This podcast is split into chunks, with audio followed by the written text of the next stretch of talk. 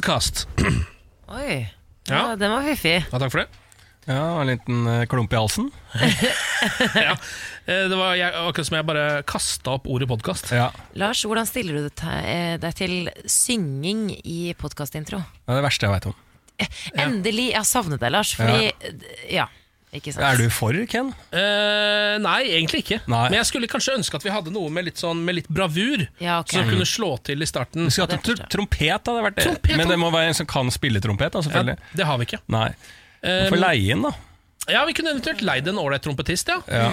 Og tatt en runde på det. Da må, måtte vi enten leid han hver dag på morgenen her, eller Ja. spilt inn lyden. Hva heter han der eh, eh, kjente trompetisten i Norge?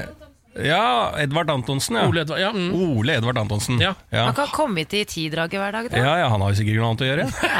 Nei. Eller jeg tror i hvert fall uansett at han prioriterer trompetspilling, da. Ja, det gjør, det gjør han uansett. Ja, ja, ikke sant? Men det er ikke sikkert at han har booka opp hele dagen med det. eller? Nei, nei, han kommer. Han kommer neste gang, det skal jeg ordne. Ja, bra. Dette er altså eh, podkasten som tilhører sendingen mandag 10.9. i Morgen på Radio 1. Eh, veldig formelt nå. Ja. Vi pleier jo ofte å like å liksom dele noe av litt mer privat slag Mm. til lytterne som har valgt å laste oss ned, Lars. Fordi vi, det er liksom de mest eksklusive lytterne Ja. vi har. Ja. Jeg kan jo fortelle litt. Ja. Um, I går så Det var litt sånn Det var, det var litt dumt, for jeg, jeg har vært i forkjøla i helgen. Men så hadde jeg fått uh, i gave da Så hadde jeg fått en sånn spa-behandling på The Well. Ja. Ehm, eh, og det følte jeg at jeg ikke kunne si nei til når liksom alle venninnene mine hadde ordnet det, og alle skulle reise samtidig. Og så, så i går så, så jeg også så mange pølsesnabber på The Well, for det var jo Naked ja, for det var nakenspa! Ja, ja, ja. På søndager så er det jo uh, nesten ikke lov med bekledning. Det er lov. Men uh, det er veldig mange steder du ikke kommer inn i med mindre du er nude. Seriøst? Ja. Ja, ja, så du gikk rundt der som Men du var også naken? Nei, nei. Som sagt, du kan ha på deg badedrakt og bikini, Ja. men det er bare enkelte eh, sånne rom du ikke kommer inn på, for du må være naken. Men da tenkte du de rommene, de får bare være. Nei. Ja, og så Ja. tenkte jeg sånn de, Folk skal få lov til å slippe å se min gravide kropp. Jeg tror ikke folk ville likt det. Noen, det, og det er forstyrrende. Ja, for det er noen Ja. som, er veldig, som har det som veldig som fetisj. Ja, Ja, men så tror jeg liksom sånn din gravide kropp eh, er attraktivt for eh, den eh, mannsgarden som er inni der Ja. naken på en sånn eh, saunaopplegg. Ja. Ja. Ja, det vil jeg tro.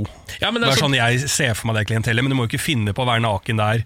Altså, da, er jo, altså, da vil jeg si at det er 90% sjanse for at ikke barnet er Emil Hegle Svendsen sitt. Hvis du setter deg naken ned på noen av de der stolene der inne, så tror jeg det bare Selv om det egentlig er i gang med Emil Hegle Svendsen sine sitt Ja, DNA, så blir det bare tatt over av det Jeg tenkte på det. grise-DNA som bare kryper opp. Og, Det sjukeste Jeg tenkte på sånn, jeg slipper jo å tenke på å bli gravid. For jeg er jo det allerede. ja, det er sant. Det er det jo. Ja, det er det jo. Men jeg, for jeg føler at det er litt sånn, hvis man skal gå inn på sånn type spa, da, så er det noe slags sånn reglement for altså, hvor hot uh, slash ikke hot kropp du kan ha. ja. Fordi du bør helst liksom på en måte Du bør helst ikke ha Altså, ikke ha for stygg kropp, Fordi da er det litt sånn Ok, da går jeg rundt her og viser fram det, folk blir kvalme av det, liksom. Men hvis du har for hot kropp igjen, så, så blir det jo for pervers stemning der inne. Så man skal jo ligge et eller annet sted mellom de to. Da. Det er ganske vanskelig. Ja, men jeg føler der var det virkelig hele spekteret, altså. Ja, det var det. var det. Ja, ja, ja, ja. Jeg føler at liksom sånn sauna og den type ting, sånn nakenting, er for de som har eh, for stygge kropper. Ja, det gjør det. Ja, Altså, altså. Der går liksom grensa, at her er vi bare frie. Mm. Og hvis du kommer inn der eh, som en eh, Love Island-deltaker eller Ex on the Beach-deltaker med vaskebrett og sillis og alt det greiene der, da blir du uglesett, altså. Mm. Ja, du mener For det. er, Ja. der er du ikke til, det er ikke tillatt å ha trente kropper inn der på nakengreiene. Da er det bare show-off, Ja, ja. og det avslører de folka. Ah. Ja, De er der for opplevelsen av varm, varm varme. og, og, svett, svett, svette. og svett, svett, svette. Og ha det hyggelig sammen. Ikke noe show-off. Ja. Kan Han anbefale det likevel, altså. Du anbefaler spa? Ja, ja, ja. Nakenspa? I denne podkasten så blir det jo litt av hvert. Det er jo første runde med Radio 1-millionen, eh, og så er det eh, morgenquiz med deg, Lars. Ja. Og mye annet stas. ja da, vi, vi har preika mye, vi altså. Ja, Vi preiker høl i huet på deg, vi. Ja. Kos deg, da. Dette er morgen på Radio 1. God morgen! God morgen, Samantha. God morgen. Åssen går det med deg?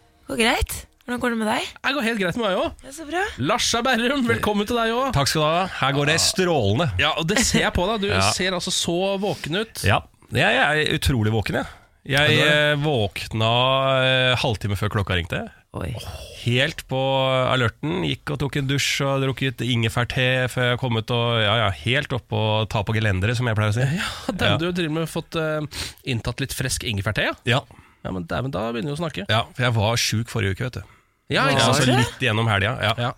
Så du har jeg vært på jobb og sånn, har du ikke det? da? Eller du var jo på jobb hele forrige uke? Ja, ja, ja. Ja, ja, Så jeg har vært ute og smitta folk, da. Og holdt det gående. Ja. Sånn at jeg kan komme ovenpå denne uka her. Ja, Det er jo litt det samme som vi driver med, Samantha. Altså, i Ja. hvert fall, eh, jeg har fortsatt litt sånn eh, en, et, en eller annen Et eller annet som strekker seg fra nese og nedover halsen, Ja. Ja. som du kanskje kan høre her. Ja.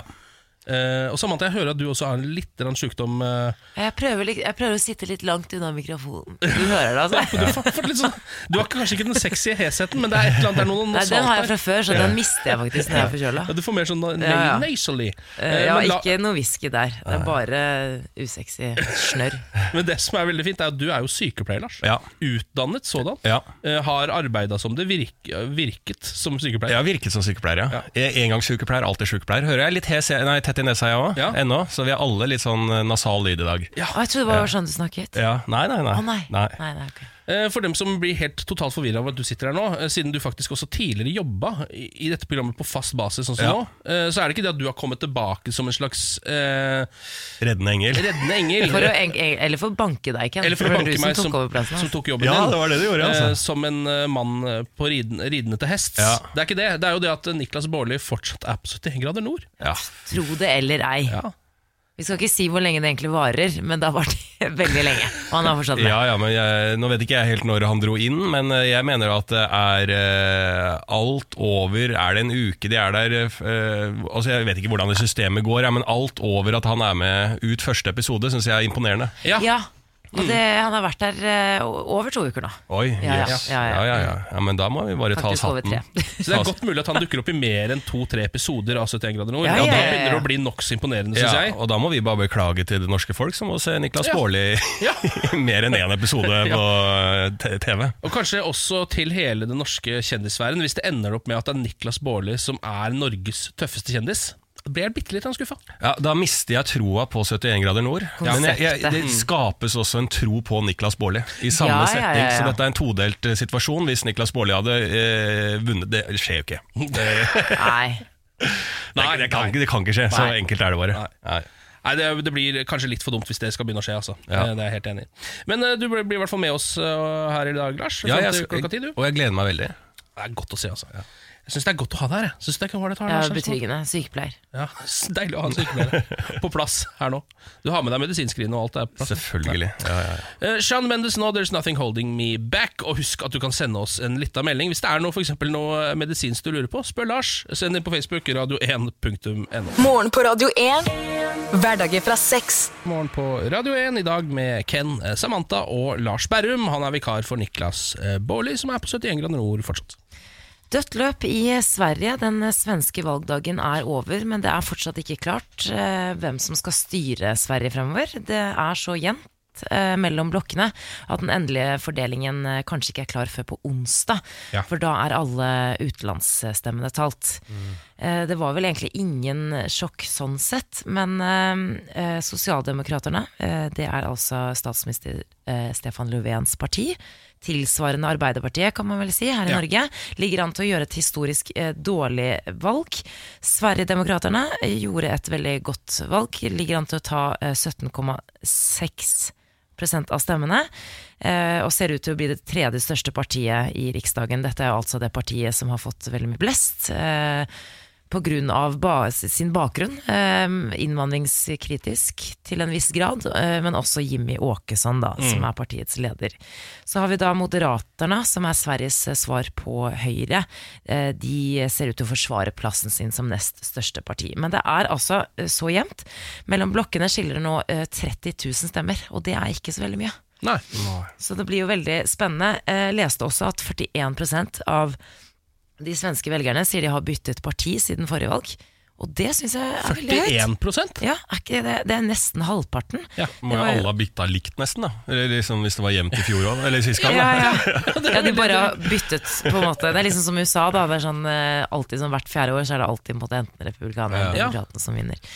Men eh, det som var helgens store snakkis, var jo at det oppsto en, eh, en ganske stor konflikt mellom Sverigedemokraterna og SVT, landets statskanal, etter at Rikskringkasteren valgte å ta avstand fra eh, Sverigedemokraternes leder Jimmy Åkessons utspill om at innvandrere ikke passer inn i Sverige.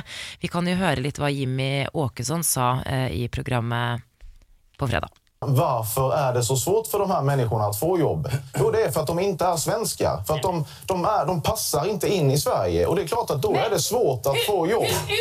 Det är klart att då är det svårt att få jobb. Då måste man ju få förutsättningar att bli just svensk. Man måste få förutsättningar att passa in i Sverige. Men de här har i alla dessa år bemött nytillkomna på deras villkor, på deras språk, utifrån deras sedvänjor, utifrån deras kultur. Och då ble det detta splittrade samhälle och detta eviga utanförskap. Sen behöver du inte stå Du er alltid så arg, Annie Lööf. Å Sluta skrika och Jimmy- gapa i varenda debatt. sa her, da, var jo eh, følgende. Hvorfor er det så vanskelig for disse svenskene Nei, disse menneskene, ikke svenskene, å få seg eh, jobb? Jo, fordi de ikke er svenske. De passer ikke inn i Sverige, og da er det klart det er vanskelig å få seg jobb.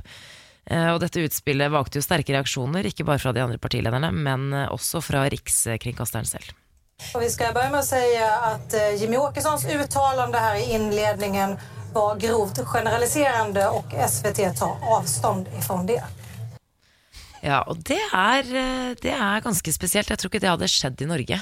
Nei, alle det har jo gått ut og sagt at det kunne ikke skjedd noe, men jeg synes det er jo jeg, jeg skjønner ikke helt hva man reagerer eh, på her, egentlig. fordi at han, han, Jeg syns ikke det er så ille det han sier akkurat der. For den, øh, Hvis du klipper ut setningen bare at øh, de er innvandrere, så de passer ikke inn i Sverige, på en måte. Men han sier jo at de må lære Altså, vi, har gitt de liksom um, de, de har ikke lært seg svensk og alt dette greiene. Han har jo noen meninger på hvor uh, Han sier jo ikke at det ikke kan fungere, men Nei, uh, han nei. mener at de må lære svensk, og at det er forutsetninger for at de skal fungere.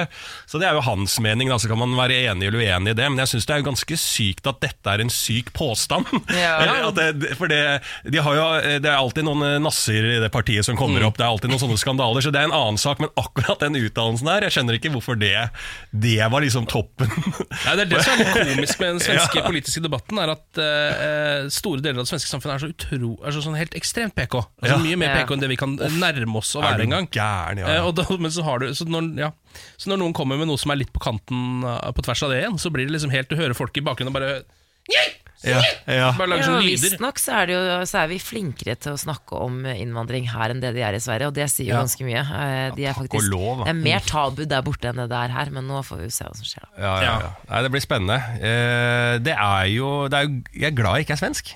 Altså, akkurat nå, akkurat nå, jeg, ja, jeg var tullelandet Sverige. Nå har. Norge har alltid vært tullelandet. Nå er det Sverige som er tullelandet. Det er deilig? Nydelig at de eh, sliter litt og har surra seg ned i en sånn der eh, human, eh, selvgod boble som de har borte der. Ja, deilig. Nå var du veldig sånn Norge-Sverige, sånn Ja, typisk ja, norsk. ja, ja, ja. Ja. Jeg, kjører, jeg kjører den kampen hvor som helst. Når som helst. Ja, det er Nydelig. Eh, Jeg har lyst til å fortsette min litt sånn bitter, bitre rolle som jeg har tatt, inntatt nå i, på morgenkvisten. Og det er at jeg eh, ser også en kamp i form av den forkjølelsen jeg har fått meg. Som jeg hadde forrige, forrige uke. Vi, alle- vi snakka litt tidligere når vi gikk på her, at alle er litt forkjøla. Jeg hadde min sånn bombe forrige uke. Bedre nå, med litt sånn nasal i, stemmen eh, i, i dag også. Men jeg vet hvem som smitta meg. Vet du? Ja, Og han er på en måte i vennegjengen min. Heter, eh, eh, jeg sier det, Martin Marki. Hallo, Martin. Hei, jeg er Martin Marki, eh, og jeg vet at det var han som smitta meg. Og det har gjort at, og jeg har vært sammen med han veldig mye i forrige uke da jeg også var syk, for jeg måtte jobbe med han. Og det har gjort at jeg så litt sånn Når vi spiste og sånn, så satt jeg øya igjen litt. Hva si det, du hater han. Jeg hata han litt hele forrige uke, for jeg bare Fader, altså. Så du liksom eh, For han sa ikke at han var sjuk i begynnelsen, så, sa, så ble han plutselig sjuk, og så sa han bare sånn, å, jeg har vært litt dårlig de forrige dagene. Så ble jeg sånn forbanna Ja, på det må du si. Det er liksom som at jeg hadde sex med han, og så sa, han liksom, så sa jeg 'ta på deg kondom'. Ja. Og så kjente jeg han har ikke på kondom. Han lurte. Ja, ja, ja, ja. Han lurte meg. Ja. Og det er ganske irriterende, så jeg har litt liksom et annet forhold til Martin Mark. Jeg vet ikke hvor lenge det kommer til å være, hvor sjuk jeg er i huet. Det er egentlig det som er spørsmålet her. Men eh, jeg kommer til å ha et annet forhold, et annet vennskap med Martin Marki, fordi at jeg vet at jeg har fått hans Sykdommer. har baskelusker inni meg. Eh, i, eh, og så har jeg jo vært ute og vært på jobb, jeg også, så jeg, sikkert, jeg er sikkert den personen for en annen i vennegjengen min. Ja. Ikke sant? sånn, ja. Men det er en helt annen rolle. Men pleier ikke du å si også Pleier ikke du å si at du er forkjøla? Jo. Jo, og du er sykepleier, så du, har liksom, Ja. du kommer litt unna med det. faktisk. Veldig nøye på det. Ja. Jeg, eh, sier, sier ikke hei til folk eller noen ting. Jeg, Jeg, sier hei, selvfølgelig, men jeg tar en litt sånn eh, konservativ muslimsk der, eh, med likestilling. da Det håndhilser ikke på verken mann eller kvinne. Nei, ikke sant, det er veldig lurt. Ja. At du ikke deler på kjønn på det. i hvert fall ja, ja. Det er Bare på hvorvidt du er syk eller ikke. Mm. Veldig, veldig lurt. Morgen på Radio 1. Med Ken Samantha og eh, Lars Berrum, som er vikar i dag for Niklas Baarli. ja, det er jeg. altså Jeg koser meg veldig. Veldig hyggelig å være her. Det er godt å høre. Ja, Deilig å se dere i øya, som er litt uh, sjukere enn meg. Ja, Ja, rett i det. Hvitøya. Ja. La oss presisere at det er Hvitøya jeg snakker om, ikke Brunøya. Eh, jeg får en del kritikk eh, for tida. Høsten har jo kommet, og i dag, i hvert fall her på Østlandet, så er det mye mye nedbør i form av regn. Eh, og dette er jo noe jeg har ventet på. Ja, og jeg får veldig kritikk av eh, både kjæreste og venner fordi at jeg eh, har kritisert den solen som har vært nå på høsten. For jeg mener at den er eh, noe av det verste værmessig jeg kan oppleve. Sol på høst, og, eh, eh, fordi at da er det en slags sol du ikke får brukt. Den er bare irriterende. Fordi at du, jeg har lyst, nå er det høst. Nå har vi hatt en uh, veldig veldig bra sommer, som vi har skapt sjøl ved hjelp av forsøpling. Eh, og der må vi klappe litt for oss Ja, det selv. veldig bra. Dette har vi greid. Og så har vi hatt en bra sommer, når vi endelig greid å få til det. Og nå vil jeg ha regnet og det uværet som høsten egentlig for meg er, da.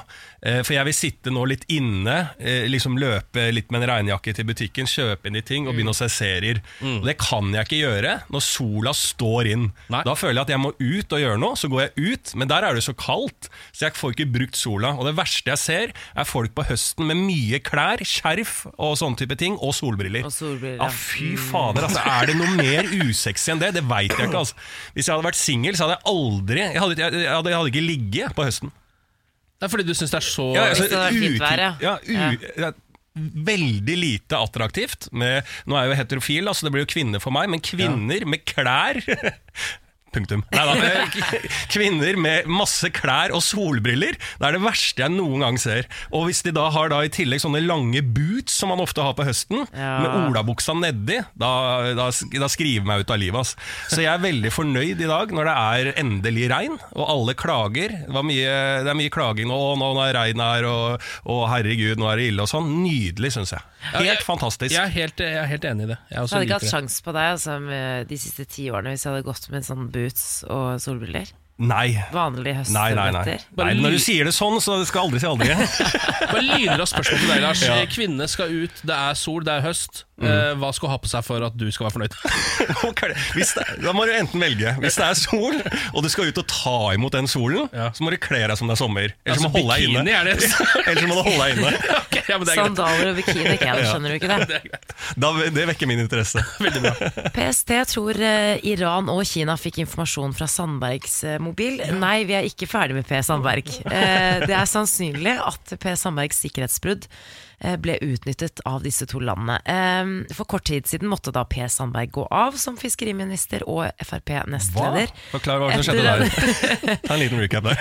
En omdiskutert ferie, da, kan ja. du si, til Iran, hvor han, tok, hvor han annet tok med seg jobbtelefonen sin. Ja. eh, Som er et sikkerhetsbrudd. Og nå kommer det altså fram i et brev eh, som statsminister Erna Solberg har skrevet til Stortinget, at det mest sannsynlig har blitt hentet litt informasjon her og der. Ja. I eh, både Iran og Kina. Men hva er det Eh, henter? Jeg skjønner ikke det. Altså, jeg, jeg, er, jeg føler meg litt smartere enn Per Sandberg. Det er greit. Eh, Ved at jeg eh, eh, vet at mobilen min kan bli eh, liksom sånn tukla med og hacka med når jeg er ute. I hvert fall hvis jeg hadde vært politiker. Mm. Men jeg vet ikke hva, hva de skal ta. De må jo oversette alt til sitt språk. Altså, det er så mye Det er så mange Det syns du er det vanskeligste Dette er- Ja. Nok på et litt høyere nivå enn din Facebook-profil. Eh, altså Han har jo hatt tilgang til liksom Stortingets dokumenter, da, kan du si. Eh, Ja. Som er liksom Men hva er det de Hva er Stortinget? Jeg håper ikke Jo, hva er Stortinget? Nei, men hva er det Altså, Jeg håper jo ikke alle på Stortinget sitter med statshemmeligheter De gjør det. Som er i ris Jeg håper ikke Bjørn Hoksrud Han gjør det, Ja, ja, ja. sitter med Altså, det, altså, der må vi jo Vi må jo ha et organ som beskytter oss for alle de Ja, altså, Vi må jo huske at det er folkevalgte. Folk er dumt. Det er oss. Ja, det er vi som velger andre dumme folk inn. Det må jo sitte et smartere organ og sier sånn Nei, vi slipper ikke den informasjonen inn til Stortinget. Men det er det som er helt sjukt, for det er på en måte det den kontrollkomiteen sier nå, at bare, dette viser bare at vi har hatt en elendig sikkerhetskultur i regjeringen. Det er det som er hele poenget. Det er liksom, ja, eh, så I dette brevet til Stortinget så skriver jo da Erna Solberg videre at eh, de skal få på plass et nytt sikkerhetssystem for hele regjeringen innen desember. Ja vel. Ja, men Så, så frykt ikke dere, det går helt fint. Ja. Men eh, jeg må bare si en siste ting som vi ikke har snakket om enda. Per Sandberg var altså på Lindmo forrige helg Ja. eh, og ranta, rett og slett. Og eh, fortalte litt om hva han skulle gjøre nå, men fortalte også om kunnskapsløse folk i eget parti. Syns vi skal høre et lite klipp derfra. Disse enkeltpersonene og gruppene i mitt eget parti eh, som har kritisert meg og stått opp på denne måten etter, etter dette, de er rett og slett kunnskapsløse. Eh, og så er de stappfulle med fordommer. Eh, jeg hadde ikke trodd i min villeste fantasi heller at det fantes så mye fordommer i det norske folk som vi har sett nå. Eh, det er helt grusomt. Eh, og det handler rett og slett om kunnskapsløshet. Eh, og jeg mener det at det er både min og Bahareh sin oppgave nå eh, å opplyse det norske folk. Norske journalister gidder jo ikke gjøre det. Vær så god. Men er ikke det fint at han tar ansvar, da, når eh, Stortinget ikke gjør det? Ja, Det er så deilig at han endelig har oppdaga det. Ja. At han endelig har oppdaget, ja. Det Ja. som har blitt skrevet under samtlige hans uttalelser på Facebook eh, nå i 25 år, det har han nå fått med seg at det var ikke helt bra. alt. Han og Bahere sine opp, altså, oppgave er å opplyse det norske folk. Det skal de opp og ordne opp i det. Dette er morgen på Radio 1. Her har jeg funnet en sak eh, som jeg liker sånn passe godt. Eh, det er en sak om en fyr som kan få 16 år i fengsel etter å ha stikket av fra en hel haug med dates. Hæ? hva er det du sier? Ja, eh, det, det virker ikke logisk så langt, men det gjør det når jeg straks jeg forklarer hva som skjer her. Jeg syns det virka veldig logisk. Du, du synes det? Det var det jeg reagerte på. Endelig, tenkte jeg. Han har stikket av fra stevnemøter, nå må han endelig i fengsel. Eh, Det er altså Paul Guadalupe Gonzales. Eh, Han um, har vært på dates med 20 kvinner, som han har møtt på eh, Tinder og lignende eh, sånne apper. Og så har de dratt på restaurant, eh, bestilt seg dyr mat, og så har han sagt Du, jeg må bare stikke og pisse, og så har han stikket av etter at han har spist opp alle. Det er det han har gjort med mer enn 20 damer. Legende. Ja, nei, Nei. en legende eh, i sin egen tid. Ja. Eh, Så det er det han har gjort. Det er jo, altså, han har jo tydeligvis næringsvettfyren, da, men eh, har da bestilt seg en dyr biff for eksempel, til en 300 spenn.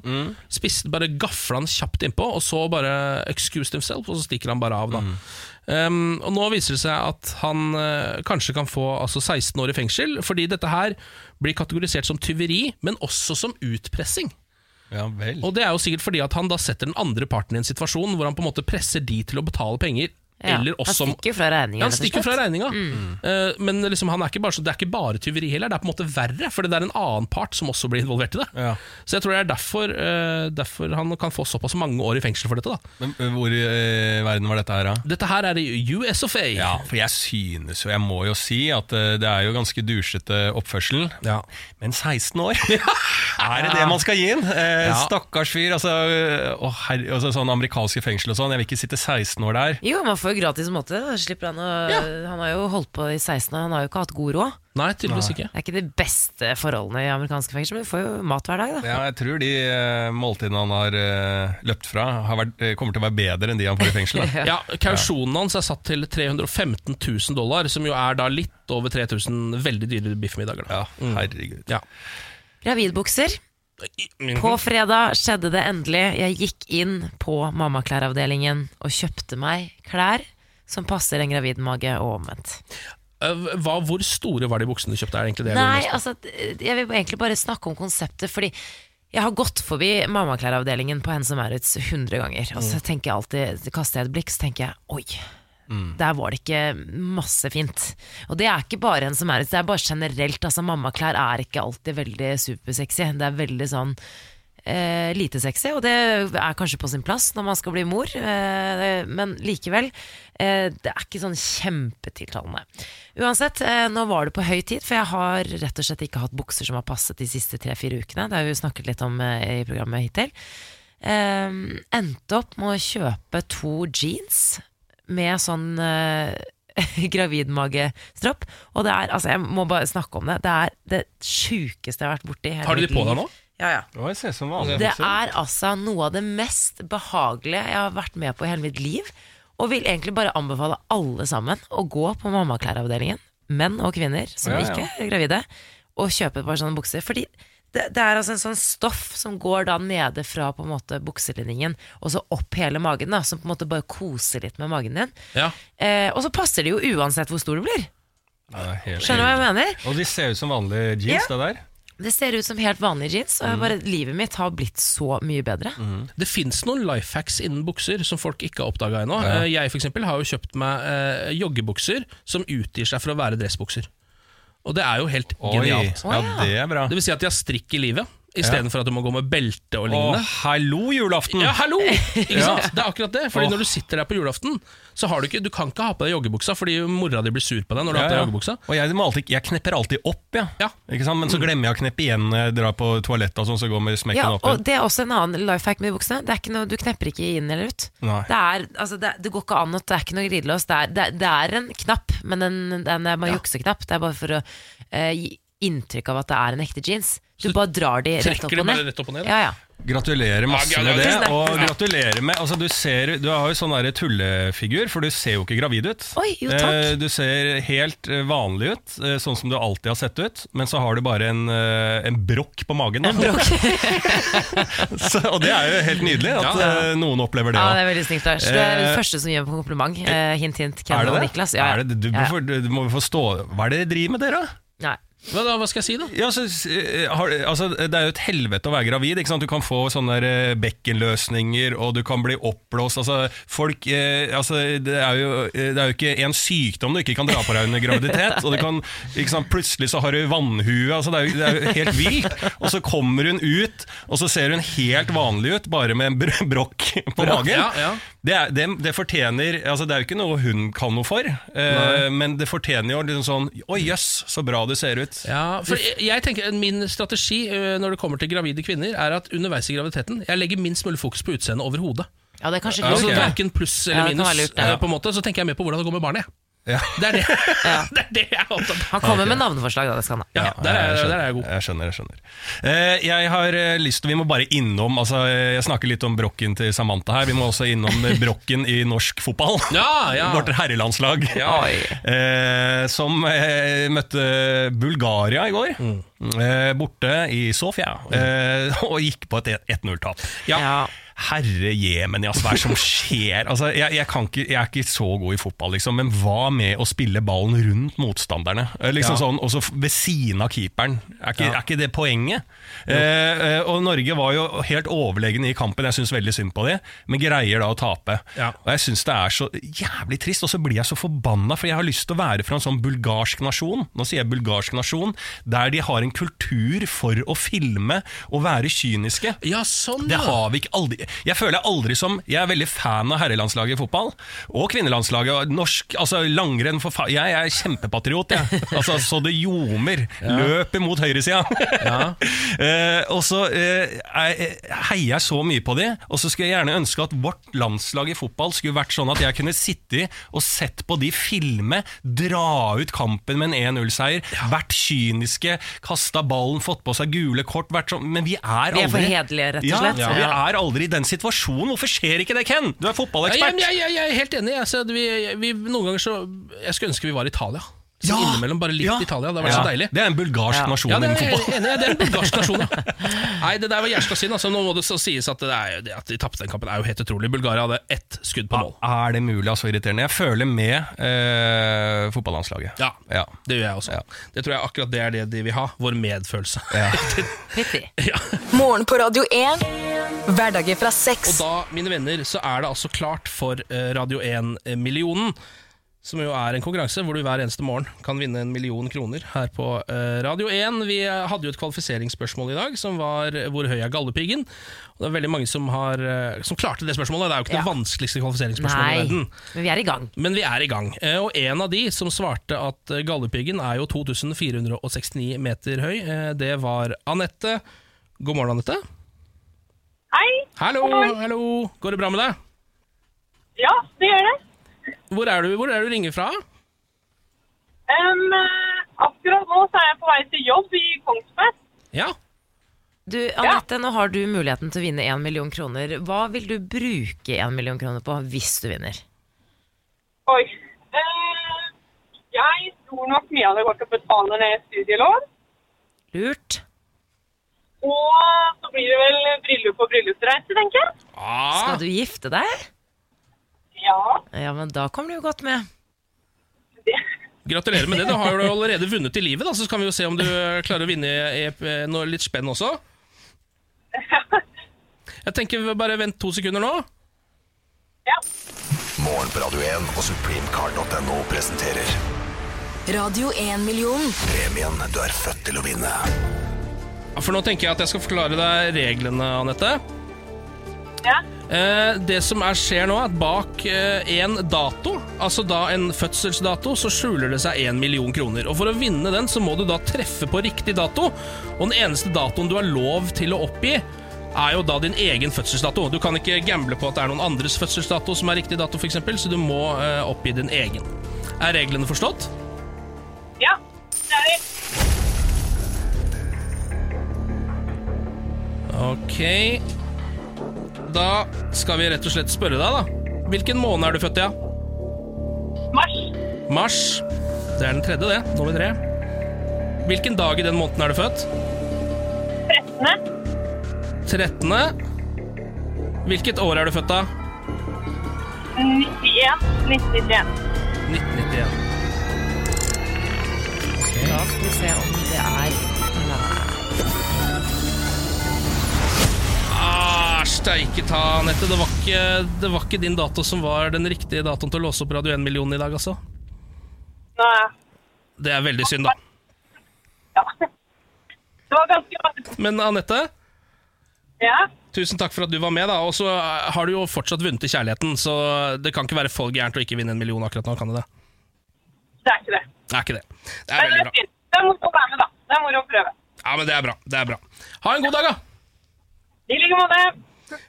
Vi er jo tilbake i morgen, da. Eh, klokka 07.10. Da er det en eh, ny person som kan prøve seg på å vinne en eh, million kroner her på Radio 1. Så bare hør på også i morgen. Det var spennende, Lars. Ja, var det. Ah, jeg ser du svetter der borte. Ja, jeg, jeg, jeg, er veldig, jeg har bare lyst til å teste min dato, jeg. Ja, det, ja, det tror jeg ikke vi skal gjøre nå, men vi får se om vi kanskje får gjort det ved en annen anledning. Lars. Ja. Morgen på Radio 1. Eh, Samantha er på plass. Hei. Jeg er på plass, jeg heter Ken. Og Lars Berrum er jaggu meg på plass, han også. ja, det vil jeg si at han er. Du er mer på plass enn noen andre, fordi du er en såpass stor figur. Ja, Eh, altså høy, da. Ikke spesielt fed, Ja. men veldig høy. Så du tar litt mer plass enn alle andre. ja Men inni meg så er jeg en kortvokst mann Ja. med langt, langt hår. Med hår like langt som kroppen, ja. Ja, Mm. ja. Eh, Du er jo vikar for Niklas, eh, fordi han har ikke kommet tilbake igjen nå. Sist vi eh, hørte noe fra han, så dro han på 71 grader nord-innspilling. Eh, Vi vet ikke helt hva han driver med akkurat nå. Nei, det kan være at han er på ferie på Granka. Ja, sikkert dratt rett fra 71 grader nord til uh, Hva heter det Culinaris reality, eller Camp Culinaris. Camp Culinaris, og så rett inn på Ex on the Beach, og så lite innhopp på Love Island. Han tar vel hele runden når han først er i gang, det ikke? Det kan godt hende. Eh, Hvis ikke så kan det jo også hende at han bare eh, gikk over til f.eks. Russland. da Eh, Og så satte han i gang med et konsept der som er det samme Ja. konseptet, bare at der skal du reise gjennom Russland. Ja, men så langt kom han ikke. Jeg tror han er mer i sånn Tuck Fors.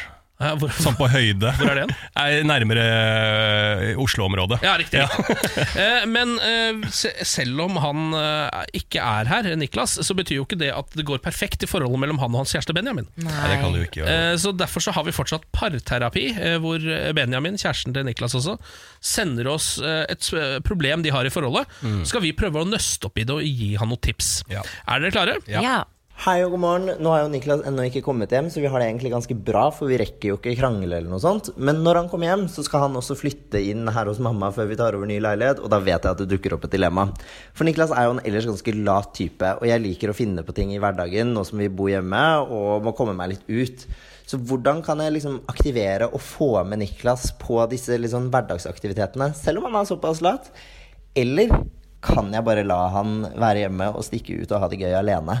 Vi bor jo tross alt hos min mor. Oi, her er han føre var. Ja, De er jo i en flytteprosess, eh, men må tydeligvis innom mora til Benjamin eh, på veien her. det er jo alltid et problem. Ja. Ikke at det er mora til Benjamin, men eh, Nei. mora til eh, Hvem som helst. hvem som helst Ja. eh, er jo alltid et problem. Eh, ja, jeg vil jo si at eh, Eh, til vanlig så må det jo gå an at eh, en i forholdet eh, stikker ut og gjør ting selv om andre ikke vil. Ikke? Det, Mm. Og dit kommer man jo etter hvert i et forhold, som jeg syns er veldig sånn sunn eh, policy å ha. Ja. Eh, problemet her er jo at eh, det er mora til Benjamin, og da er det jo pes å liksom la eh, Niklas være igjen hos Ja. henne når han drar ut, så der kommer det en sånn tilleggsgreie. Så, At han da må være hjemme alene med svigermor, på en måte. ja, og da burde jo kanskje da liksom hadde Kanskje jeg følt mer på at jeg også burde være hjemme. Eh, så her, men samtidig når de bor da på bortebane, sånn som de kommer til å gjøre, så tror jeg også, slik jeg kjenner at, eh, Niklas, at han kommer til å være mer villig til å være med på hverdagsaktiviteter. Ja, det tror jeg også. Nå Ja. som de bor på bortebane. Fordi Ja. at Niklas er jo et sånn dovendyr som liker seg best uh, i sitt eget uh, reir. Ja. Ja. Ja. Eh, Så jeg tror at Benjamin kommer til å oppleve en veldig ivrig Niklas, ja. Eh, Som har lyst til å finne på ting hver dag. Så han har vært borte så lenge også, så jeg tror det, liksom, det, det blir fryd og gammen de første ukene. Og sånn som jeg kjenner Niklas, så gjør han akkurat hva fanden han vil. Eh, Så Ja. jeg tror ikke det er noe problem, jeg tror ikke du trenger å ta hensyn til Niklas Benjamin. For du vet jo selv at han generelt, gjør akkurat det han vil. Så ikke ta hensyn, gå ut og kos deg, sier jeg. Ja, han er litt, Det er litt som å være katteeier. Altså, du må bare la Ja. han holde på. Det er Ja. ikke så mye Du får ikke oppdratt han på noen som helst måte uansett. Um, Og Det verste er å få dårlig samvittighet overfor sånne typer som Niklas. Uh, Fordi at, eller man føler sånn når, Er det greit at jeg går ut? Så sier Niklas ja ja. Og da mener Niklas Ja. det. Ikke sant? Det er også viktig å huske på at det er ikke noe problem for Niklas hvis han sier at det ikke er noe problem. Det er ikke mange lag der. ja, sånn, ja. Han har ikke noe lag, så ikke lag noe lag på Niklas. For han har ikke noe lag. Så man trenger ikke å tolke inn noe ekstra. Han mener, nå, sier, nå sier han det, det betyr egentlig dette. Ja, det er det dummeste du gjør, er å begynne å tolke Niklas. Ja, det er sant. Det er sant det. Ja. Det er det han sier, Det er og det er jo en det- fantastisk egenskap. Enkleste og vakreste med Niklas er nettopp det.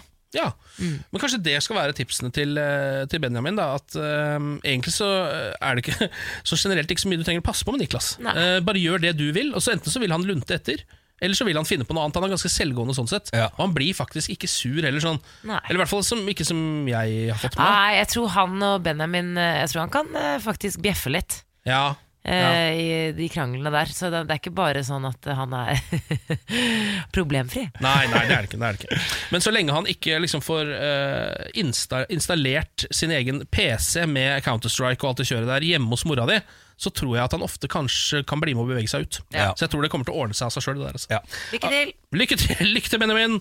Morgen på Radio 1. Vi starter med en liten oppdatering fra valget i Sverige. Eh, Det ble dødt løp, nærmest. Eh, Den svenske valgdagen er over, men det er fortsatt ikke klart hvem som skal styre Sverige fremover. Det er eh, dødt løp mellom høyre- og venstresiden.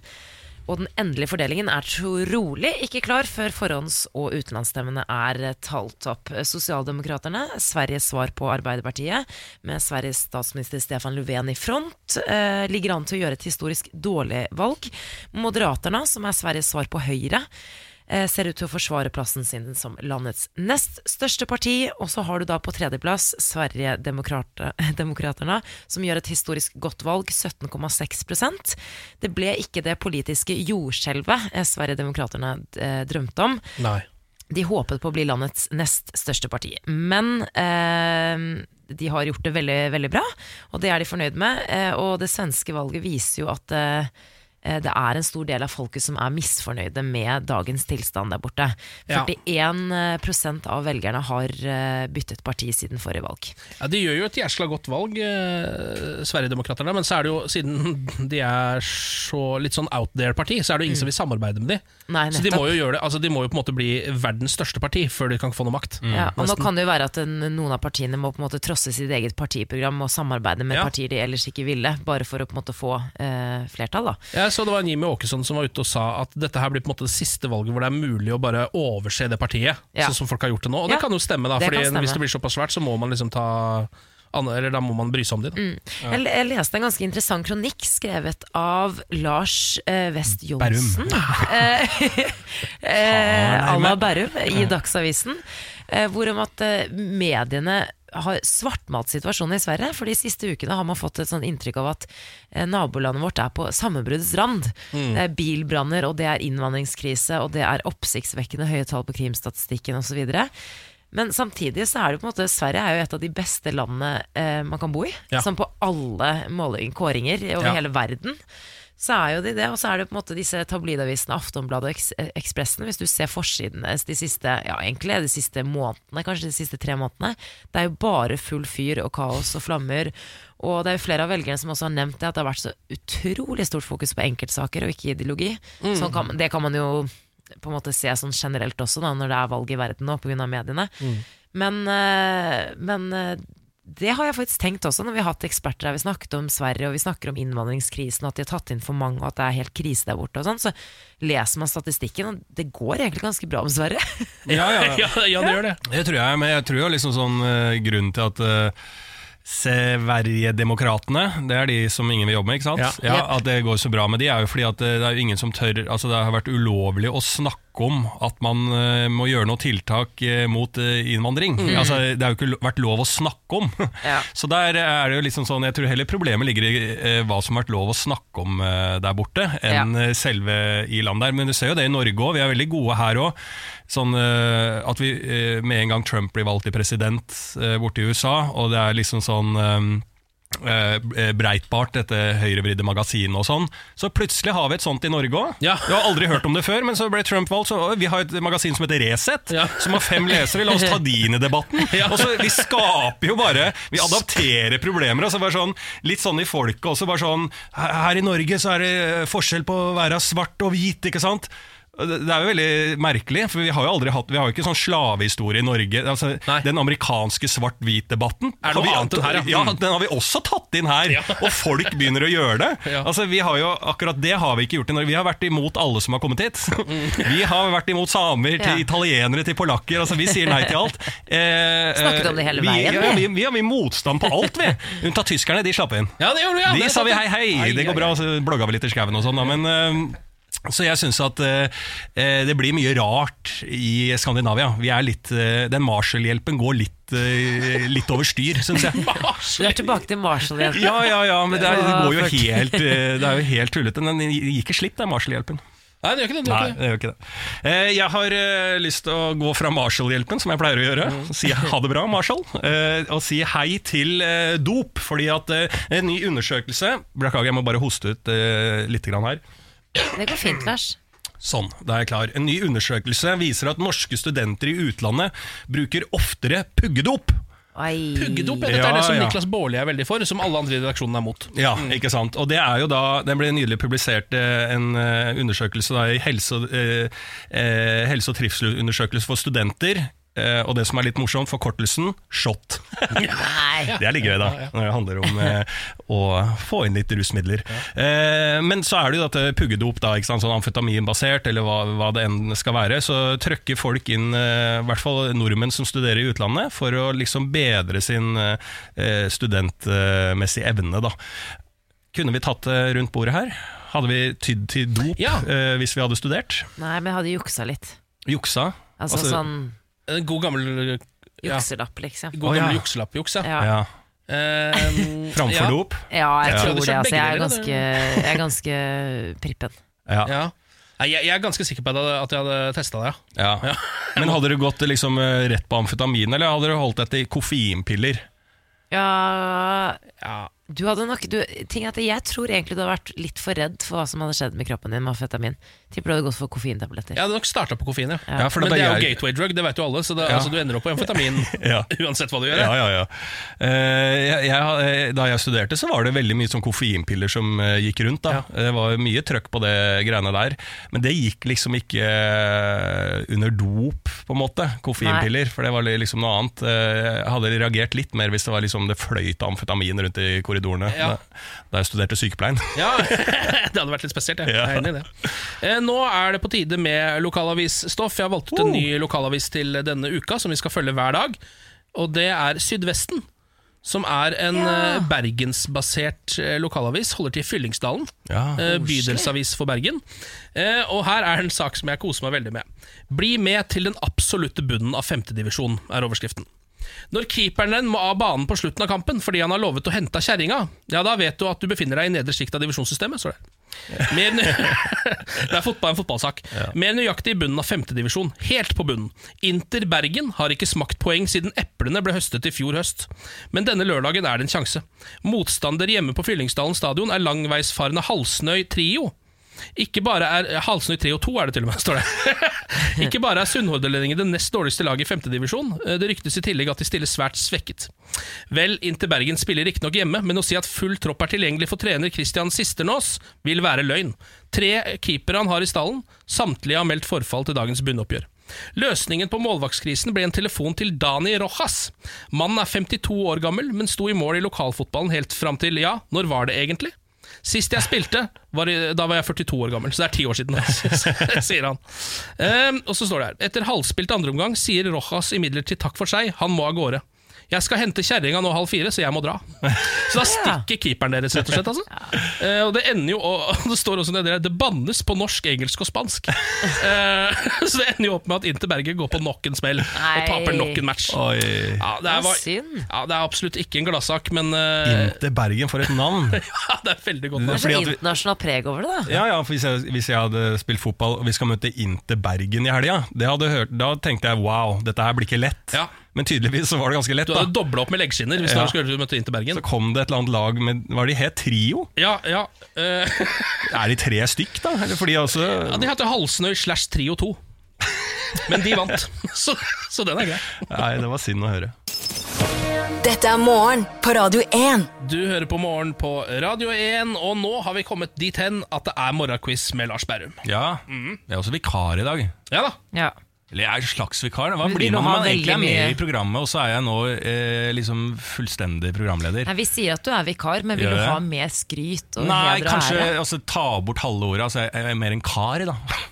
Eller, eller så er jeg vi.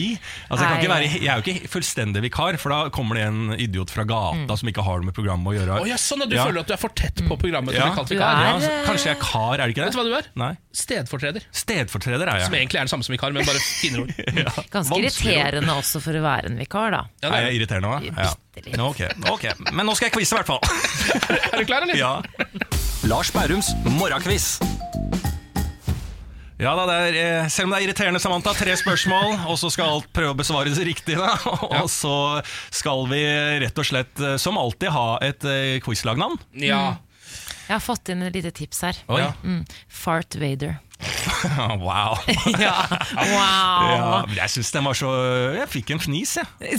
ja, men altså, dette er jo Ikke, ikke fis. Jeg fikk en Nei, fnis. det var ikke det jeg tenkte. Men det, så lenge du fikk en fnis, Ja. så var det godkjent. Star Wars-relatert fisehumor, det tar vi imot. Ja, det tar vi imot med um, åpent rasshøl. Nei, så må du lukke rasshølet og kjøre i gang. Ja, nå skal jeg meg. Vi har temaquiz i dag òg. Det er eh, norske idrettsstjerner som er tema. Ja. Er dere klare? Ja. ja. Ok, Da går vi på spørsmål nummer én. Eh, Hvilken fotballklubb eier Martin Ødegaard, og hvilken klubb spiller han for? Ja, altså Det er jo Real Madrid fortsatt som eier fyren. Mhm. eh, og nå gikk han jo nettopp Han var i eh, det- Hva het den? Hei Herenfen? Nå var det Vitesse Arnem. Tror jeg. Ja, hva sa du nå? Vitesse Arnhem, var det ikke dit han gikk, da? Vitesse? Det var ikke det jeg hva tenkte du, da? Nei, jeg tenkte på Helen Fane. Ja, fordi han har bytta nå. Men han har bytta, så Ja. da har du helt sikkert rett. Jeg tror det er Fittes Arnhem eh, som er der han er. Og som Det er umulig å skjønne hva du sier ja, når du sier det på nederlandsk. har du noen gang vært i Nederland? Ja. Der snakker de sånn. Ja, jeg Nesten, vet det. nesten. Men det er, du, du kan gjemme ganske mange fotballag eh, inni den uttalelsen din. Ja, det er sant, det. det er, sant, det er litt smart av meg, faktisk. Hvis jeg etterpå sier noe sånn Ja, det var Heerenveen, så sier du Ja, det var det jeg sa! Ja. Treffer rammen.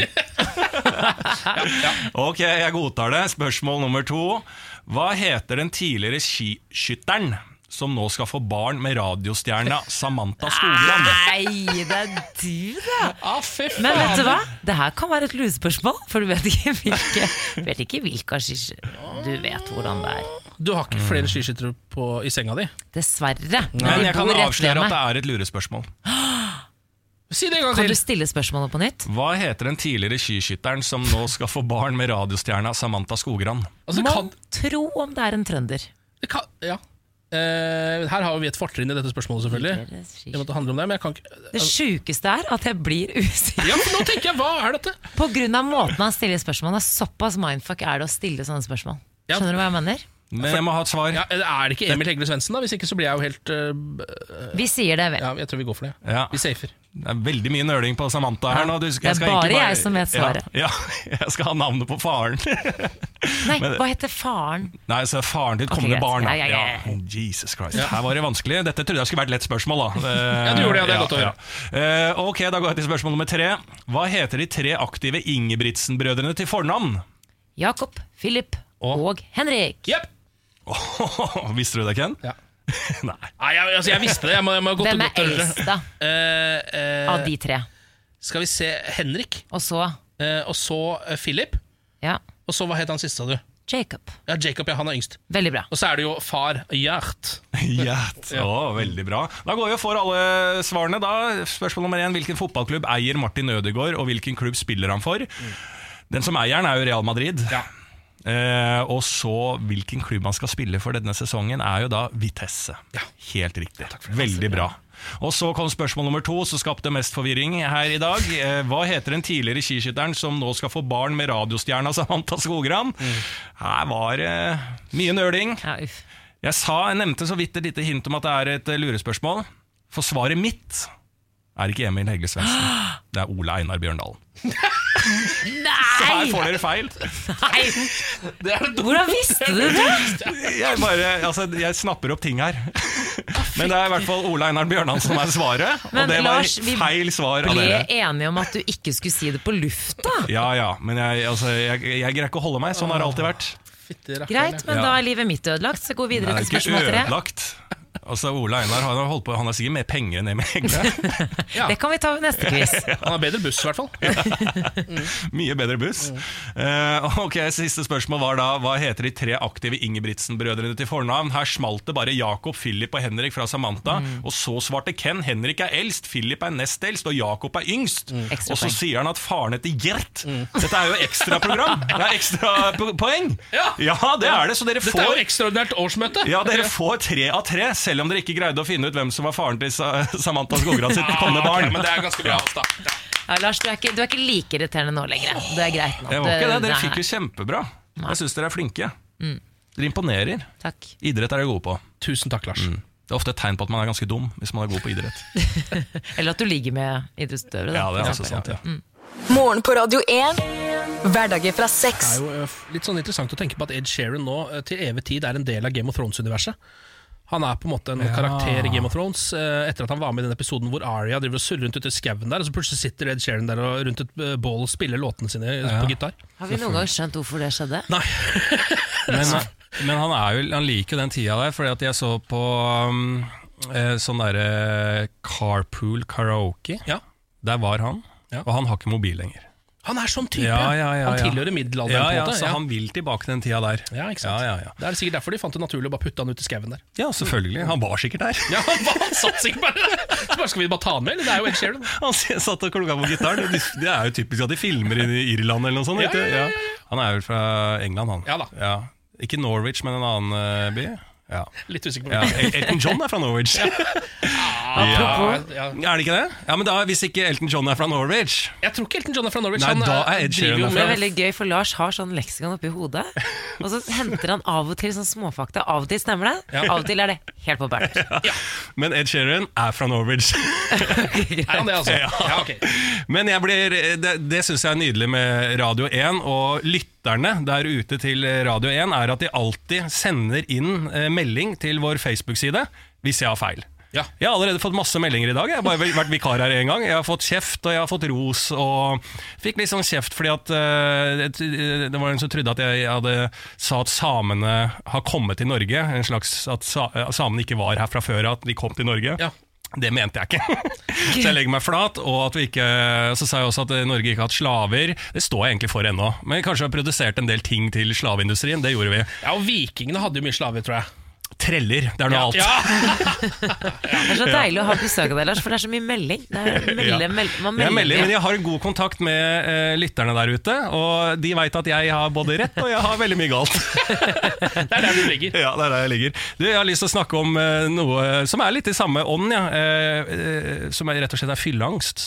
Ah. Ja, fordi jeg har nå den siste tiden fått mer fylleangst enn jeg tidligere har hatt. Oi. Og det er en motsatt rekkefølge enn det folk pleier å gjøre. Ikke sant? Tidlig, tidlig i 20-årene så har du ikke noe fylleangst. Da- Og så begynner det å bli sånn i 24-25-årsalderen Så begynner du å få en del fylleangst, og så begynner du å nærme deg 30, så finner du ut at det er ikke vits å ha fylleangst. Så går litt bort igjen, ja. Ja, men jeg har da aldri hatt fylleangst. men jeg har begynt å få det nå. Så jeg begynner å bekymre meg mer jeg, over hva folk tenker og mener. Eh, og det har jeg ikke tenkt på tidlig, så det er helt nytt for meg å drive og føle på denne fylleangsten. Eh, fordi eh, det er jo den gode setningen å si er jo Hvis du har vært ute, så tenker du 'å, hva dumt gjorde jeg', så må man bare huske at de andre tenker bare på seg sjæl. Ja. Det er jo ingen som tenker på deg, ikke sant? sånn som du tenker på deg selv. Eh, og den sliter jeg med å godta for meg sjæl nå. Eh, jeg, har, jeg har hatt to runder nå ute. Den ene gangen ble jeg veldig veldig full.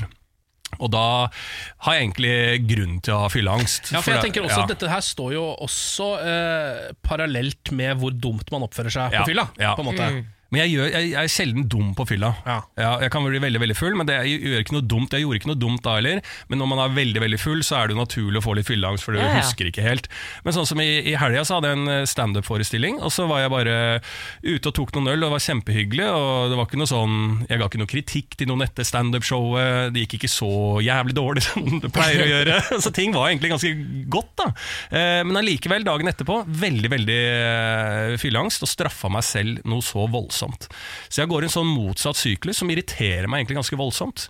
Hvordan er det med dere, egentlig? Er det, er altså, dere, altså, du, jeg kjenner meg så innmari inn i det, eh, altså, igjen i det du sier, for jeg hadde ikke fylleangst. Jeg var også egentlig ganske sånn Jeg var veldig mye ute da jeg var yngre, ja. men jeg var sånn kontrollert fyllik, om du vil. Ja, ja. Eh, sånn dranker. Eh, som du, bare, du er alltid med på drikkingen, men du holder alt, du har alltid kontroll.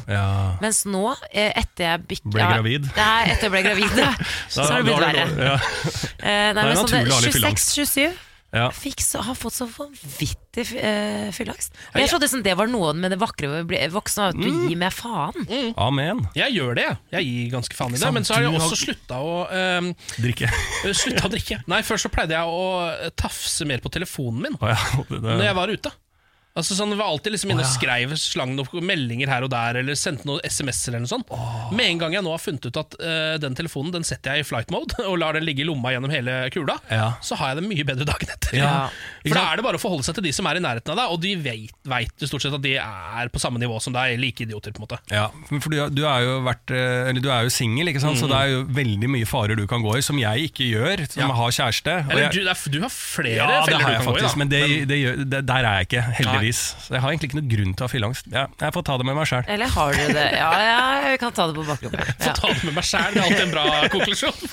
Nei, dette skal jeg ta med meg sjæl i speilet. det er jo ingen andre som har interesse av dette her. Beklager at jeg ikke fant ut det tidligere. Hva med denne saken? Kjetting-Jan fikk kontrakt på Hollywood-storfilm. Dette her er Kjetting-Jan? Vindenes. Han- Jan Vindenes heter han egentlig. Uh, han driver Sotra Anchor and Chain, Ja eh, hvor han selger kjetting. Uh, han går under kallenavnet Kjetting-Jan. Og nå skal han da eh, Kjetting-Jan. Han, han skal nå da levere eh, kjetting til den kommende storfilmen Midway, som omhandler slaget på Stillehavet under andre verdenskrig, regisseres av eh, Roland Emmerich, altså han som har lagd Independence Day, og har Woody Harrelson, Mandy Moore og Luke Evans i hovedrollene. Um, så han sier det at det, det er ikke den største kontrakten de har fått, men det er den morsomste, som Kjetting-Jan eh, sier til Nettavisen her. Eh, og så kommer det også noe som jeg syns er sånn ganske interessant nedi her, der det står Kjetting-Jan ble for øvrig landskjent i fjor, da han la ut en video hvor han dumpa 25 tonn kjetting foran kemneren i Fjell i protest mot formuesskatten. Eh, videoen har blitt sett over én million ganger. Så Kjetting-Jan han var ganske kjent fra før. Nå blir han enda mer kjent, for nå skal han også til Hollywood. Å, fy faen. Han er jo helt rå. Ja. Han er som vunnet i livet. Jeg blir Ja. så misunnelig på det. Kjettinga er jo dritrik. Han skal ikke betale noe formuesskatt. Nei! Hvis han, gjør, hvis han blir nødt til å betale formuesskatt, Ja. da dumper han 25 tonn kjetting Ja. rett foran ja, det var bare et, det var bare et, eh, en skremsels... eh, Ja. Et Ja. signal Ja, ja, om hva som kommer til å skje. ja, ja. Ja. Han har mer kjetting han kan dumpe, hvis det er det, hvis det, er det som det står på. Morgen på Radio 1. Alt faller sammen. Mm. Plutselig så sitter du der alene.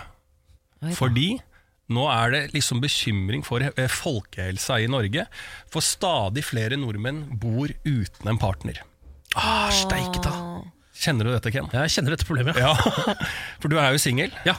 Veldig singel, eller hvor, hvor, hvor er du på skalaen? Jeg, jeg, jeg er ganske singel. Ja, ganske. Partnerløs. Én til ti. Er det noe du ikke har fortalt oss, Ken? Nei, det er ikke, absolutt ikke noe jeg Ja, én til ti. Ja, hvor Eh, singel er du? Hvor, hvor ensom er du da, på en måte? Altså jeg, altså jeg, nå vil ikke jeg sitte her og hevde at jeg er den singleste mannen i Norge, Fordi det syns jeg blir litt patetisk, så jeg hiver en nier. Jeg.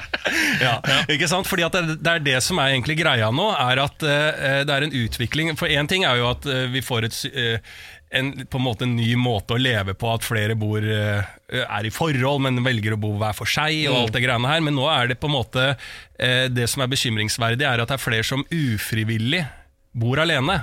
Eh, ufrivillig er ensomme. Mm. Uh, og jeg har jo alltid en veldig sånn uh, sånn guilty pleasure som jeg liker for meg sjæl, er jo å være frivillig ensom. Ja, Liksom sånn tusle rundt og liksom føle på ensomhet. Mm. Men det må være da frivillig at jeg vet at jeg ikke er ensom. Eh, men det her er jo det, det litt sånn motsatte. Det her er det folk som er ufrivillig ensom. Eh, og det blir stadig, stadig flere. Eh, alltid litt færre kvinner men, eh, og flere menn, men nå er det liksom både på kvinner og menn så økes dette her. da. Og dette er jo da et, en stor utfordring for eh, Norge i fremtida, og hvordan skal vi løse det? Må, altså Når ikke Tinder eller Happen og sånn greier å Ja. løse dette, hvordan skal vi løse dette? Hva er det som er problemet med det? Er det det at folk blir ensomme og deprimerte, eller er det barnløsheten som følger med det? Eh, altså Det her kan jo både være at de har fått barn og så skilt seg og så ikke greier å finne en Ja. ny partner og bor alene. Så her tror jeg det er sånn begge deler. Men jeg har lest en annen sak om at det er eh, også dette med barnløshet, at man ikke får barn eller får stifta familie, at folk bor Så jeg tror det, det er Mm. sikkert ting som går litt i hverandre. Men det er jo problemet er at folk blir ensomme, de blir depressive. Og eh, ikke nødvendigvis bare den eh, psykiske lidelsen depresjon, men med at man bor alene, så og ikke har noen rundt seg, så spiser man også usunnere. Man, Mm. eh, det er høyere tall for røyking, og så alle disse her Mm. eh, sideeffektene som blir eh, en utfordring for folkehelsa Men det er det som er problemet, for jeg tror også med på en måte, sosiale medier og den digitale hverdagen, så har det gjort det litt vanskeligere. Og på en måte vil man jo tro at det var lettere, fordi man kunne ta kontakt med andre på via nettet. Men det er jo ikke det samme som på en måte sosialt samvær. Jeg har jo jobbet litt med den besøkstjenesten, hvor du kan være på en måte besøksvenn for de som gjerne er ensomme og sånn. Og det viser seg at folk Det, det er ganske sånn eh, vanskelig steg å ta, å faktisk ta kontakt med Røde Kors. Og Ja. be om en besøksvenn, da. Nå er jeg så mye alene at Ja. jeg må liksom melde det inn til, sam eller til eh, Ja, fordi fy alle Ja. forbinder jo det med eldre folk, skilte folk, ikke Mm. sant? eller syke folk, eller et eller annet. Da. Men det er jo også veldig mange ressurssterke mennesker som er ensomme, og de, der er det enda vanskeligere. De klarer liksom hvor, Hvordan skal man på en måte fikse det derre Ja, det går på verdigheten løs. Vet du. Det er nettopp det. Ja. Det tror Ja, det jeg aldri greit. Hvis jeg, det, nå fikk jeg egentlig en sånn større respekt for folk, eh, ikke bare de som bor eh, alene, men sånn når man er åpen eh, om ting. Altså, jeg, jeg fikk bare en sånn aha-opplevelse på hvor ille det er, for nå satte jeg meg litt inn ved situasjonen. Hvis man er ensom, og så liksom ut til alle venner Ja. og alt sånn Hei, jeg er så ensom, jeg. At jeg trenger hjelp. Jeg trenger Ja, å få folk fra et system inn på besøk hos meg. Mm. Det er et stort steg å gå. Så Ja, det tar jeg meg capsen for. Snart, men du, kan jeg komme med en gladnyhet? Bare for å løfte nei, nå opp redaksjonen litt. Nei. Snart kan du ta godteritoget til Sverige. Men Dette Vi- er jo en gledelig Ja, for de ja. som er ensomme. Ja, nettopp. Ja. Jo, Ja, jo tenk å møte men- venner på et godteritoget til Sverige. Det er der du finner kjærligheten, på godteritoget. Vi bestiller jo på nett fra Sverige og strømmer jo til de svenske kjøpesentrene som aldri før. Mm. Eh, litt som følge av en økt sukkeravgift eh, her hjemme. Så antallet dagsturer til utlandet har økt med 12 eh, til 8,6 millioner turer i fjor. Eh, De aller fleste av dem da til eh, Sverige, hvor vi har lagt igjen svimlende 15 milliarder kroner. Og nå kommer det altså et nytt tilbud for å få nordmenn til å handle over grensa. Det står det her i artikkelen, men jeg skjønner ikke For å få nordmenn Ja, til å handle over jeg, jeg tror det er fra svenskenes side, ikke fra vår side. Dette okay, initiativet ja, det stemmer, for det er altså Charlottenberg, som et senter som ligger ikke så langt eh, fra Kongsvinger, altså over grensa. Eh, de skal altså tilby chartrede direkteavganger fra Oslo med tog, hvor du kan eh, Altså, kjøpesenteret ligger altså da 500 meter fra stasjonen. Så kan du da Den avstanden skal gjøres mest mulig behagelig ved hjelp av heis fra perrongen. Så, Heis fra perrongen! så handlevognene kan trilles helt fram. Ikke alle har bil, eh, eller lappen, som deg og meg, Ken, i storbyene. Tog vil være et tilbud til bl.a. denne gruppen. Chartertog? Ja. Det er rett og slett Wow. eh, godteritoget. Eh, jeg håper det går ofte, at det er liksom mange avganger, litt sånn som Flytoget. Ja. Vært 15 minutter eller 10 eller Det er litt dårlig dekning her nå, men hva er det du vil? Jeg er på godteritoget. Skjønner du. Men, okay, men er du med, da? Ken, kanskje vi skulle tatt oss en tur? Ja, Vi skal ta oss en tur på godteritoget. Jeg er med på godteritoget. Dette blir ja. utflukt for oss. Vi må sjekke de fasilitetene. Uh, vite om vi kan anbefale det til resten av Norge eller ikke. Ja, og er det egne tog? Det må jo være det. Altså, Ja, ja. Ja, det jeg da- tror det er egne tog, ja. Da er det jo litt sånn, eh, litt sånn eh, charterfeber på det toget òg. Ja, litt ja. så, kanskje det er eh, litt musikalsk i en kupé, at det er liveband. Ja, det Ja. må jo være det blir kjempebra. Vi kan Ja. komme med tips òg, tenker jeg. Eh, kan melde om at jeg fortsatt spiser kyllingfre fra Charlottenberg. Var der i juni og harryhandla. Ah, fuck. Fy faen. nei, men dette er nydelig. Altså, det er så deilig å vite at når um, våre egne myndigheter em, driver og tar oss bakfra på den måten og setter opp de sukkeravgiftene, så fikser svenske myndigheter for oss. Ja. Tusen takk. De, eh, har, altså, de har masse å gjøre der borte nå med alle bilbrannene og innvandring, og sånn, men de har alltid tid til å gi oss sukker. Ja. Det skal de alltid få til. Det er veldig greit. Morgen på Radio 1. Hverdager fra sex. Og så har Pernille også kommet på jobb. God morgen. God morgen! Og god mandag. Ja, er det det? Nei, det vet jeg ikke helt. Eh, Det regna jo Starta dagen Mm. med ganske kraftig regn i hovedstaden. Eh, Og det gjorde at man liksom våkner litt sånn Når du våkner fordi det regner så mye, så er det på en måte litt for mye regn. i Jeg min syns det, er bok. veldig- ja, det, synes det er koselig. Ja, det jeg hører det trommer, Ja, regn og trommer ja. på taket, så blir jeg litt glad inni meg. Ja, men Det er hyggelig med litt regn, men når det, du våkner av at Oi, nå er det enten en flodbølge som kommer mot leiligheten min, Ja. eller så bare regner det skikkelig, skikkelig, skikkelig. Så er det litt voldsomt, da. Men eh, jeg har det helt ok. Ja, men det er Mm. ålreit. Eh, Du har jo eh, blitt utegående reporter for oss. Det stemmer. Altså Går ut daglig eh, og hører hva folk mener om ulike ting, som vi har diskutert her i studio, gjerne. Eh, Som en slags menneskelig mentometerknapp. da Yes. Og nå har vi jo satt i gang Radio 1-millionen, hvor du kan vinne en mil på morgenen her på Radio 1 hver eneste morgen. Det er ganske Eh, fresht opplegg. Ja, Det er ganske ålreit opplegg. Eh, Ti over sju er det. I morgen er da eh, første nye mulighet. Men da tenkte vi jo at det kan være litt ålreit å høre hva folk ville brukt denne millionen på. Eh, Så det har du vært ute og sjekka? Det har vært ute og sjekka. Betale ned gjeld på bolig og bil.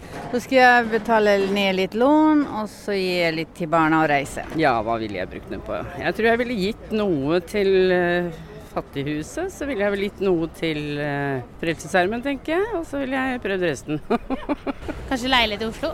Hvis du fikk én million kroner i fanget i dag, hva hadde du brukt det på?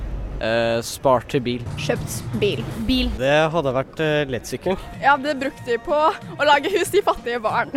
Sprit, vin, mat. Der kom det endelig i hvert fall en ærlig sjel på slutten. da Så bare, Hva ville du brukt det på? Sprit. Yes. Og en liten hemmelighet der, eh, det var pappaen min. Var det det? Ja, for at jeg helt tilfeldig møtte pappa på gata, så var jeg sånn Nå må du svare, og dette syns han er superubehagelig. Og så, så, og så choka han sånn 14 ganger, og så fikk jeg det endelig ut av han. Og da var det sprit og mat som var det viktigste i hans liv. Og det syns jeg er veldig fint. Ikke en krone på deg. Ikke en krone på meg, er det jeg også sitter og Det hørtes litt ut som det var på, fra 50-tallet, det innslaget her også i begynnelsen. Var sånn derre Nei, hva jeg ville brukt en million kroner på? Nei, jeg ville vel investert da i en kjøretøy, og så ville jeg tatt det kanskje til en bolig i- for meg selv og familien i Oslo. Ja, Det var veldig mye fornuft her. da Det er? Altså, veldig mye bil og sånn, da. ja, ikke bil, sant? transportmidler, og så var det jo også ene som hadde delt opp mellom Frelsesarmeen og Fattighuset, som jeg syns er um, Hun var en gem.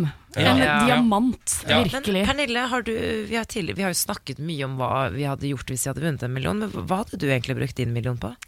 Nei, det er, det er på en måte Det bytter hver dag. Eh, For noen dager så kan jeg jo ha en sånn derre Å, det er så synd på alle menneskene i verden som ikke har det like bra som meg.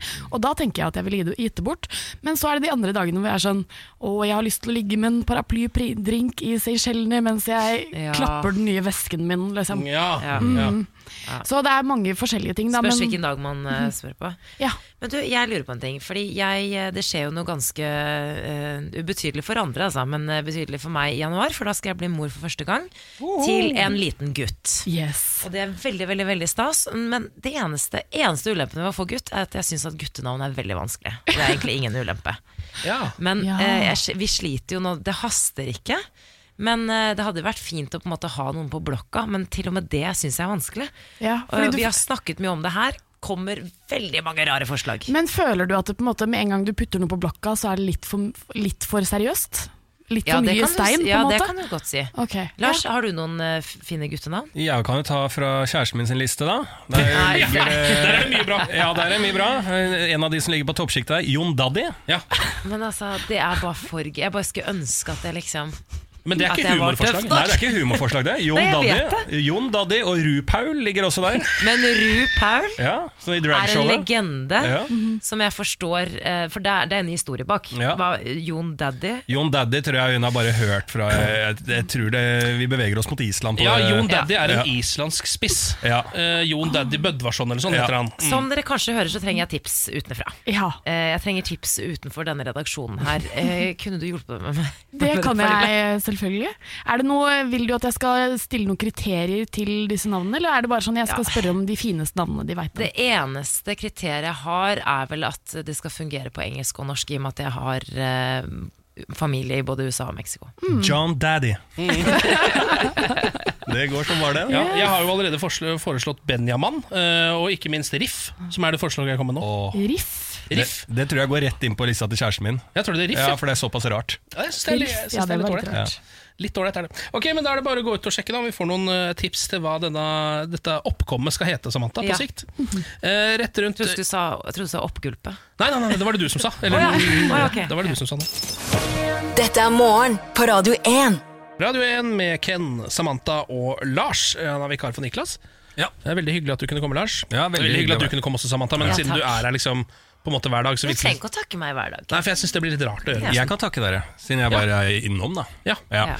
Tusen takk Ken Vasenius Nilsen og Samantha Skogran for at dere hver dag står opp tidlig og underholder meg og andre. Takk for det, Ja. Lars. Det er veldig fint Ja, at du kan komme med sånne rosende ord. Ja.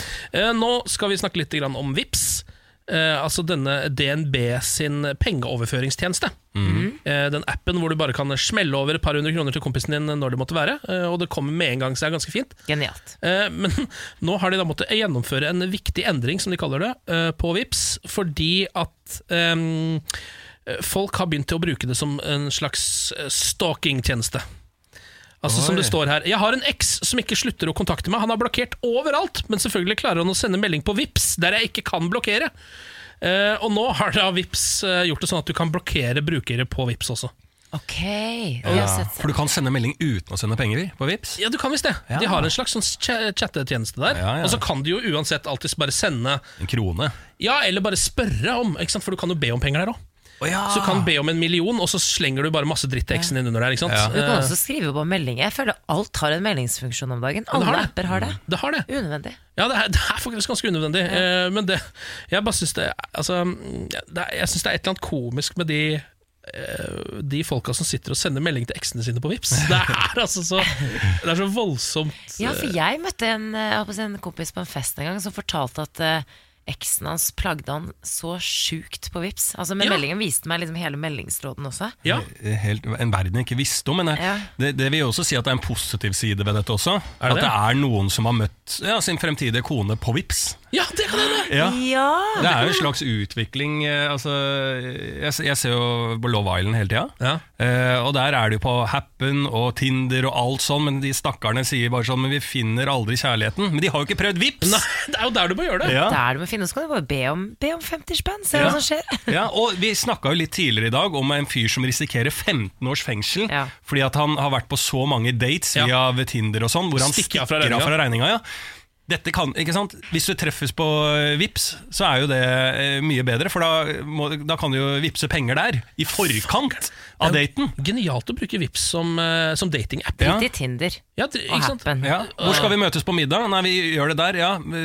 Menyen koster cirka der. Kan ikke du vippse meg over penger i forkant? Og så vippser over 500 kroner, og så er i hvert fall maten betalt. Hvordan tror dere det hadde funka for meg hvis jeg nå hadde uh, fått tak i nummeret til en uh, jente jeg liker, eh, og dermed da hatt henne på Vips For du trenger jo bare telefonnummeret. Ja. Og så en dag så har legger jeg henne til på Vips og så bare sender jeg over 4000 kroner.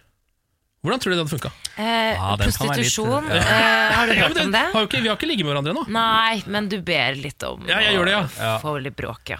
Ja, Hvis jeg Ja. bare skriver under 'her har du 4000 spenn', og så sender jeg de bare over. Ja, men da tror jeg at du får en mer sånn rolle som sugar daddy. Ja, pimp. Ja, sånn som bare liksom skal bli tatt vare på. Så da, kan du, ja, da er du liksom bare ute med deg for at du skal ha noen å snakke med. Så det blir jo litt sånn trist. Er det ikke det de ofte gjør med sånn Ja. sugar daddies? At de bare Ja. oppvarter og drikker eh, og spiser med vedkommende? Ja, for det er på en måte penger i bytte mot selskap. Ja. ja. Ikke gjør det, Ken. Nei, jeg skal ikke gjøre det. Fikk lyst til å være sugar daddy, jeg syns det er et fint ord. Ja, Det Send bra fem kroner, da, så ser vi hva som skjer. Jeg sender over en femmer, jeg. Morgen på Radio 1. Hverdager fra seks. Hva er det du snakker om nå, Lars? Hvem er det du snakker med? Du snakker med Chris, ja. ja eh, Chris er et redaksjonsmedlem her i Morgen på Radio 1 som ofte filmer de tingene vi legger ut på Facebook og internett. og Sånn. Vet du hva Eh, Ken holder på med? Han, han er skikkelig sleip. Han gjør det med alle. skjønner du Han starter podkasten Ja. uten at noen vet i rommet. Ja. Så det fanger opp Er vi eh, på nå? Ja, nå er vi på. Oh, ja, Ja. det er hyggelig. ja. Ja, Det er det som er litt ålreit, Fordi Ja. da tenker jeg at da får du det virkelig eh, private, eksklusive stoffet. Ja, jeg er glad jeg ikke bestilte det mordet akkurat nå.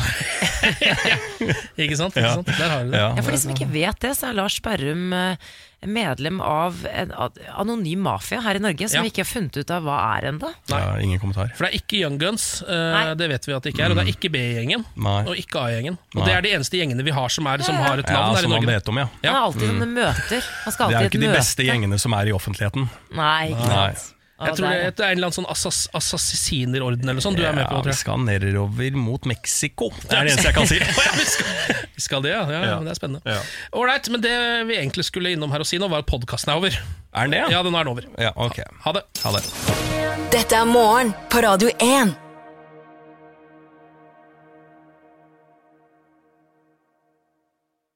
Velkommen til Kjemperådet.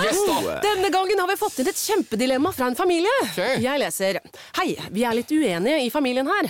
Hvis du skulle vært et dyr, ville du hatt gjeller eller vinger? Oi, den er tricky. Ja, Hva ville dere hatt, da? Altså, jeg vet ikke, men Med familierabatt får du ubegrenset data fra Telenor fra 399 kroner. Da kan du scrolle seg til svaret, rett og slett. Ja, ok, Men for min del Ja. gjeller. Nei, nei, nei, nei, vinger. Nei, nei, Ja, gjeller. ja, kjempebra. Men uh, se nye mobilabonnement på telenor.no, da.